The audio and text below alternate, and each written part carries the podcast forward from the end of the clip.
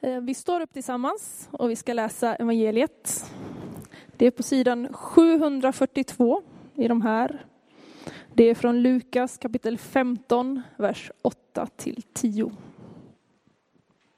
Om en kvinna har tio silvermynt och tappar bort ett av dem, tänder hon då inte en lampa och sopar hela huset och letar överallt tills hon hittar det? När hon har hittat det samlar hon väninnor och grannkvinnor och säger Gläd er med mig, jag har hittat myntet som jag hade förlorat. På samma sätt säger jag er, gläder sig Guds änglar över en enda syndare som omvänder sig. Så lyder evangeliet.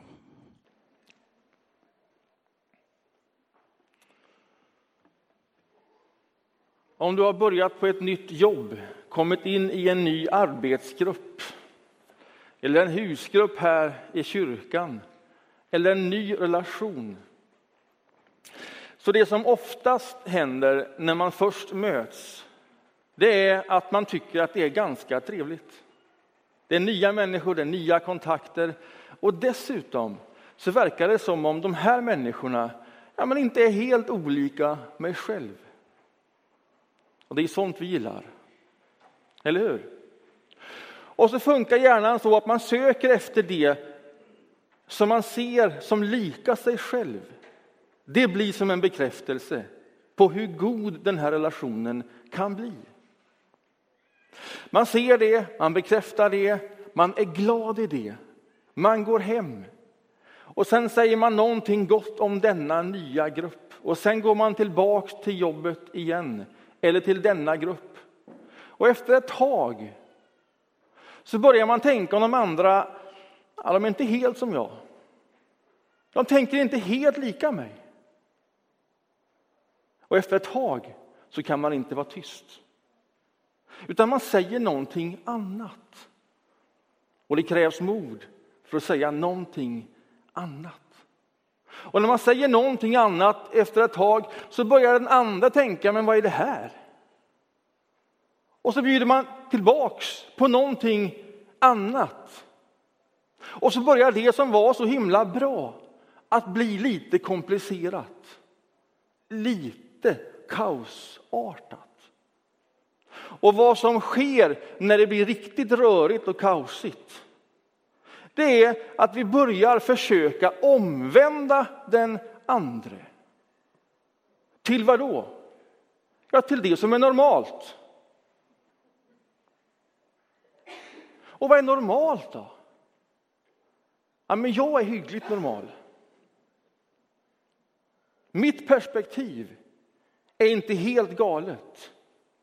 Och så börjar jag försöka omvända den andra människan och så hamnar man in i en sån loop och till sist så kommer man liksom inte ur den loopen och du lyckas inte omvända den andra människan. Vad gör man då? Ja, men då säger forskningen kring det här ja, det finns två varianter. Den ena varianten det är att eh, ja, men då styr vi upp det här och organiserar oss. Det vill säga, du går dit och du går dit. Då har vi löst det. Men vi har inte åstadkommit någonting i vår relation. Och den andra varianten, den är att man går in på ett annat sätt och faktiskt tummer sig eller lägger åt sidan sina egna kanske fördomar, starka åsikter, allt det som står emellan, allt det som gör att jag vill omvända den andra människan. Jag lägger det åt sidan. Och sen möts vi, inte i och genom det, utan som de här två människorna. Och när det sker, då sker en dialog som annars inte var möjligt. Och man börjar lyssna på den andra, för det gör man inte när man vill omvända en annan människa. Och så börjar man lyssna, man kommer in i en dialog.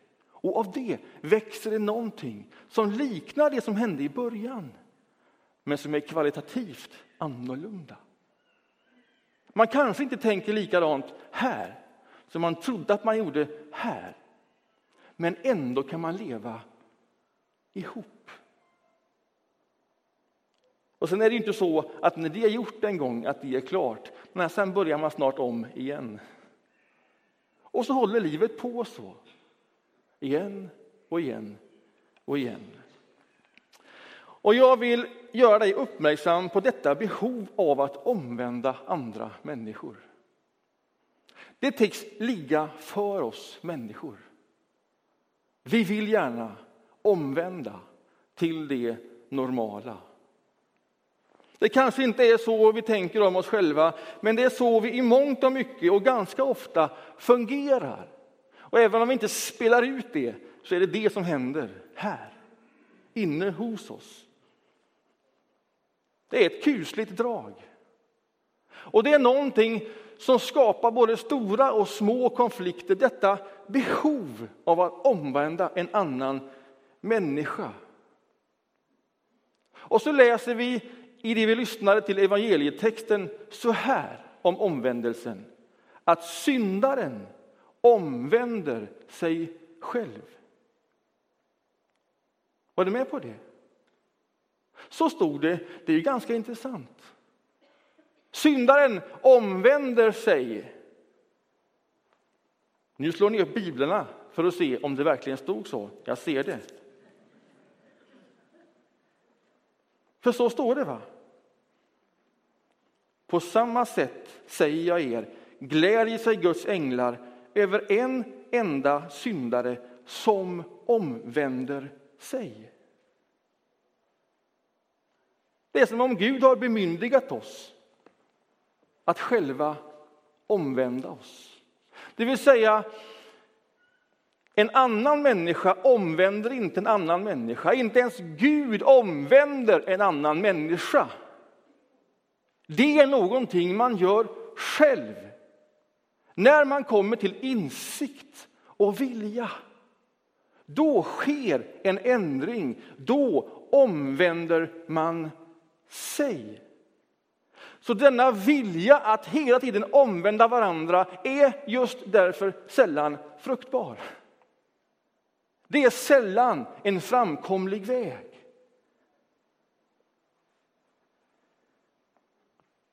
Gud har skapat oss, bemyndigat oss på ett annat sätt. Kan man då ingenting göra om man nu vill omvända? Ja, men vad föregår en omvändelse? är ju en viktig fråga. Och då kan vi igen gå tillbaka till texten eftersom ni undrar om jag läste verkligen rätt. Vers 8. En kvinna har tio silvermynt och tappar bort ett av dem. Då tänder hon då inte en lampa och sopar hela huset och letar överallt tills hon hittar det. Detta föregick att någon ville omvända sig. Tänder hon då inte, om hon har tappat detta mynt, tänder hon då inte lampan? Sopar hon då inte hela huset? Letar hon då inte överallt? Det är kraftiga ord som Jesus använder. Gör hon inte det tills hon hittar det. Det är en enorm ansträngning. Det är en väldig aktivitet. Det är ett sökande, det är ett uppsökande, det är någon som gör allt. Och om någon tappar ett silvermynt av tio, är det inte så här hon gör?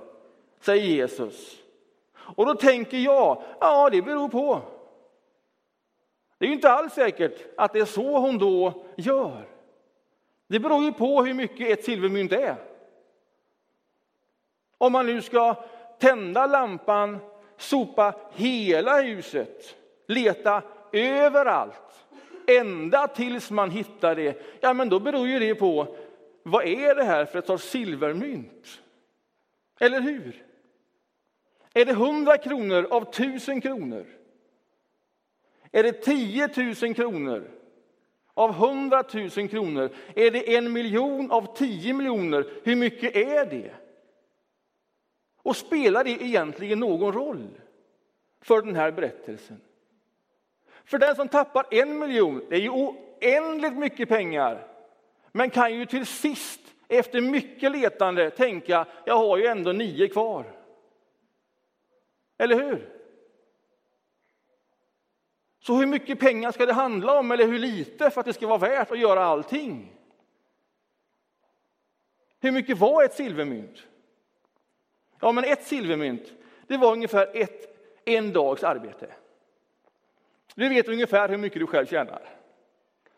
Slå ut det på, vad är det för arbetsdag på en månad? 20, 22 dagar. Där har du vad ett silvermynt är. Vet du hur mycket det är? Ungefär?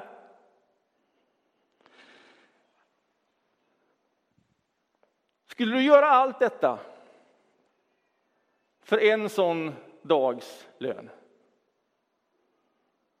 Inte säkert. Men om det var tio sådana dagslöner som du hade, om det var allt du hade, hade du gjort allting då? Kanske. Kanske inte. Det finns alltid en röst som kommer säga till dig, det är inte värt det. Du har nio till. Ösla inte mer energi på det här nu. Det är nog. Se på det du har. Bry dig inte om det här. Det är bara ett mynt. Ett litet silvermynt. En dags jobb. Du kan jobba igen. Du klarar det. Det finns alltid en sån röst som kommer till dig. Inte så mycket. Poängen i den här berättelsen det är att den här kvinnan, hon lyssnar inte på den rösten. Hon hör den säkert, men hon talar till den och säger du har fel. Det här silvermyntet, det letar jag tills jag hittar. Ja, men kom igen, det är bara ett silvermynt. Ja, så är det med just ett silvermynt. Att oavsett hur lite eller hur mycket det är kommer det alltid vara någon annan från sidan som tycker att det är knäppt att lägga så mycket energi på ett litet mynt. Och den rösten kommer du alltid höra och tvingas bemöta. Den här kvinnan gör det för att hon ser värdet. Och då finns det ingen bortre gräns. Tålamodet är oändligt. Någonstans i detta hus i denna lerkåk med trampat lergolv letar hon efter detta silvermynt. Alltså detta silvermynt kunde vara nedtrampat i jorden vart som helst. Det är ett fullständigt omöjligt projekt. Det är ett dunkelt hus. Hon tänder upp en fotogenlampa, nej inte fotogen, det hade hon en oljelampa. El fanns inte. Och sen går hon med den här oljelampan i detta dunkla lergolv. Och hon sopar det, hon går igenom allting. Och vem som helst av oss hade nog tänkt detta är ett fullständigt meningslöst projekt. Och det är inte så att huset är fullt med fina saker. En iPad, en iPhone, schysst konst, grejer på väggarna, ett skåp med lite kuriosa grejer. Så att det är mycket att vända och vrida på. För att, nej, det är förmodligen ett väldigt spartanskt hem. Ett enkelt hem. Och likväl fullständigt omöjligt projekt. Men hon lyssnar inte på den rösten. Utan hon tänder upp sin lampa. Hon sopar allt. Hon letar överallt tills hon hittar det. Hon är annorlunda än vad många av oss är. Hon har en blick för det förlorade. Hon har ett tålamod.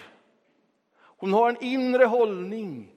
Hon har en karaktär som går ut över det vanliga. Och detta är ju en berättelse, inte om denna kvinna, utan denna kvinna som om denna kvinnan vore Gud. Det är det som sker. Vi får en inblick i vem Gud är genom denna berättelse. Vi får en inblick i Guds karaktär och hållning och tålamod och blick. Det här handlar ju om hur Jesus säger till sin fader om denna bägare kan gå förbi mig så låt det ske, men inte min vilja utan din vilja. Och sen fullföljer han det och han dör för dig och för mig medan vi ännu var syndare. Han gör allt. Sopar och letar. Därför att han har den blicken på varje människa. Varje människa. Och det är ovanligt. Liksom denna kvinna är ovanlig. Vad händer då när hon hittar det här myntet? Mot all förmodan. När hon hittar det, då samlar hon väninnor och grannkvinnor och säger gläd er med mig. Jag har hittat myntet som jag hade förlorat. Och man kan igen påminna sig om detta mynt. Som kanske inte var så mycket, det var ju bara ett mynt. Och det var väl bra att hon hittade myntet. Och sen samlar hon in sina väninnor och grannkvinnor och ställer till ett spektakel för att dela glädjen över detta funna. Och när man läser det i ljuset av det vi nyss har sagt och hört så är ju det obegripligt stort, detta uttryck. Det finns liksom inga proportioner på detta. Kom igen! Samla ihop allihop för detta. Det är ju bara ett mynt. Men hon står på sig. Detta ska firas. Kom igen, följ med mig. Och jag är nästan säker på att om myntet, detta mynt kunde tänka och kunde tala som om det vore en animerad film, då skulle detta myntet säga och tänka det är roligt, men du tar i för mycket. Jag är bara ett mynt. Men kanske är det så att har man gjort allt, har man sopat och letat så som denna kvinna gjort, då blir det begripligt med en stor fest. Detta måste synas. Så vad handlar den här berättelsen om? Handlar det om när man en gång kommer till tro och när man en gång blir frälst? Då sker detta då skapas denna glädjeyttring, denna spontana glädjeyttring, denna våldsamma ansträngning och sökande av Gud. Att varje människa är med om detta en gång i livet, max. Och nästa gång, nästa gång som man gått vilse och blir funnen, då är det mer karaktären av, ja du är här igen. Okej, okay. känner dig som hemma. Är det en gång i livet denna väldiga aktivitet sker hos Gud och detta oerhörda gensvar, när det har jag svårt att tänka mig. Därför att här går Guds karaktär i dagen. Gud är en sökande Gud. Gud är en aktiv Gud som hela tiden söker och letar och sopar och är överallt. Och vi, vi kommer alltid ur kurs. Vi kommer alltid ur kurs. Om inte så mycket så lite grann kommer vi ur kurs. Och då ska man veta att när det sker, ja men då har vi en kvinna där som letar överallt. Som söker och sopar och grejar och lyser upp. Och det finns ingen gräns för den aktiviteten. Det möts du av varje gång du kommer lite ur kurs. Och varje gång som du då omvänder dig, det vill säga du riktar dig igen mot Gud, då blir igen glädjen obegripligt stor, utan proportioner. Du kan känna, nej men kom igen, detta är för mycket. Jag har redan varit där. Den här guden har en annan blick på dig än vad du kanske själv har och vad andra människor har. Du vet, det finns ingen proportion på Guds glädje över dig. Varje gång du vänder dig om mot honom. Varje gång du gör det och igen låter ditt liv och dina val färgas av hans karaktär och hans hållning. Då är det som om man samlar ihop gänget igen och säger kolla in. Det är så bra, de är på spåret. Yes! Ett himmelskt yes. Varje gång det sker. En glädjeyttring. Vågar du tro så om dig själv eller Guds blick på dig själv? Jag skulle vilja säga till dig, tro på det. Ta det till dig. Lev i det. Varje gång du igen söker Gud, du riktar dig mot Gud, är det ett gensvar på den Gud som redan är ute och sopar och letar och håller på.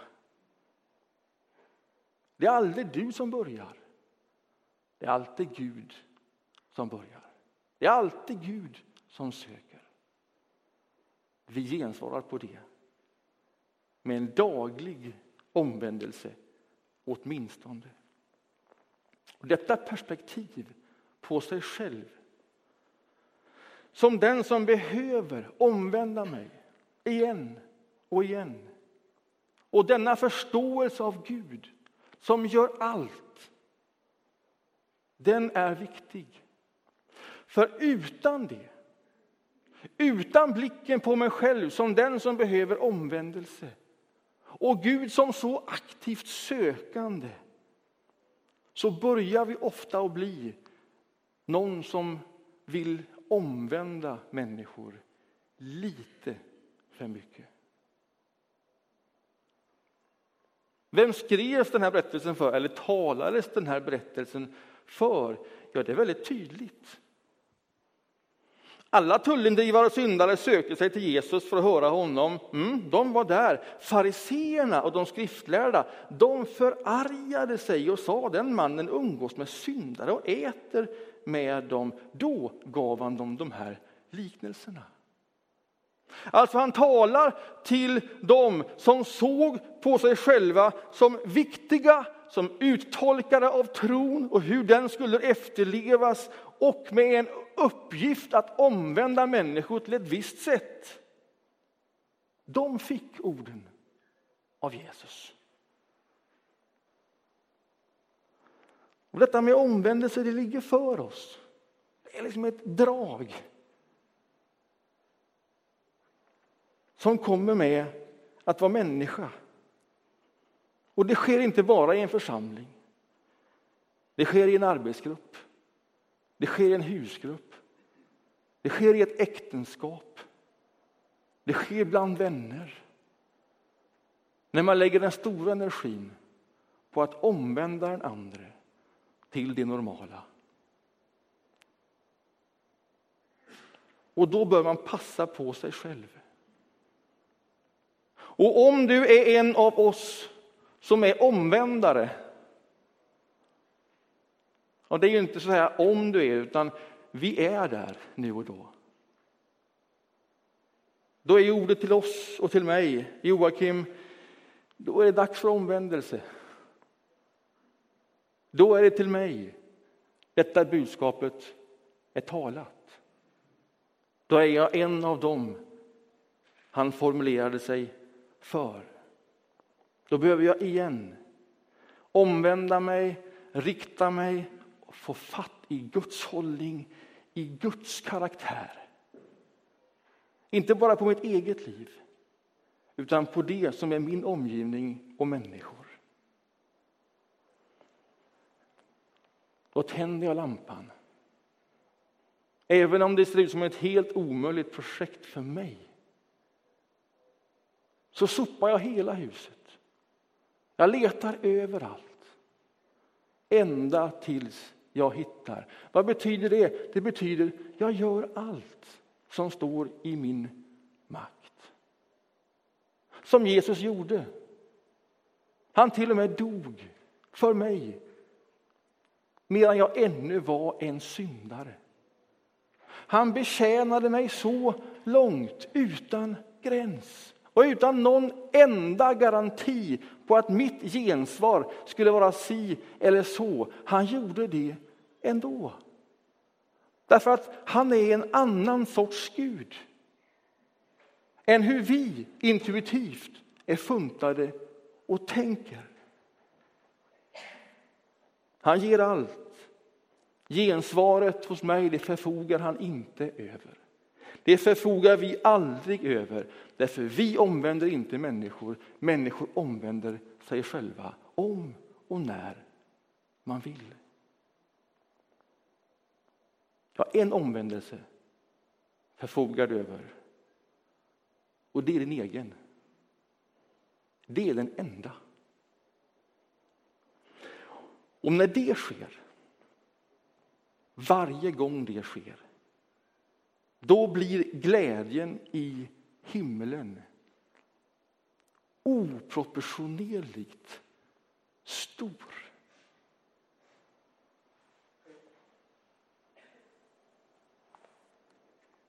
Så här står det i verserna innan. Det hör inte till dagens budskap, men det är samma sorts berättelse.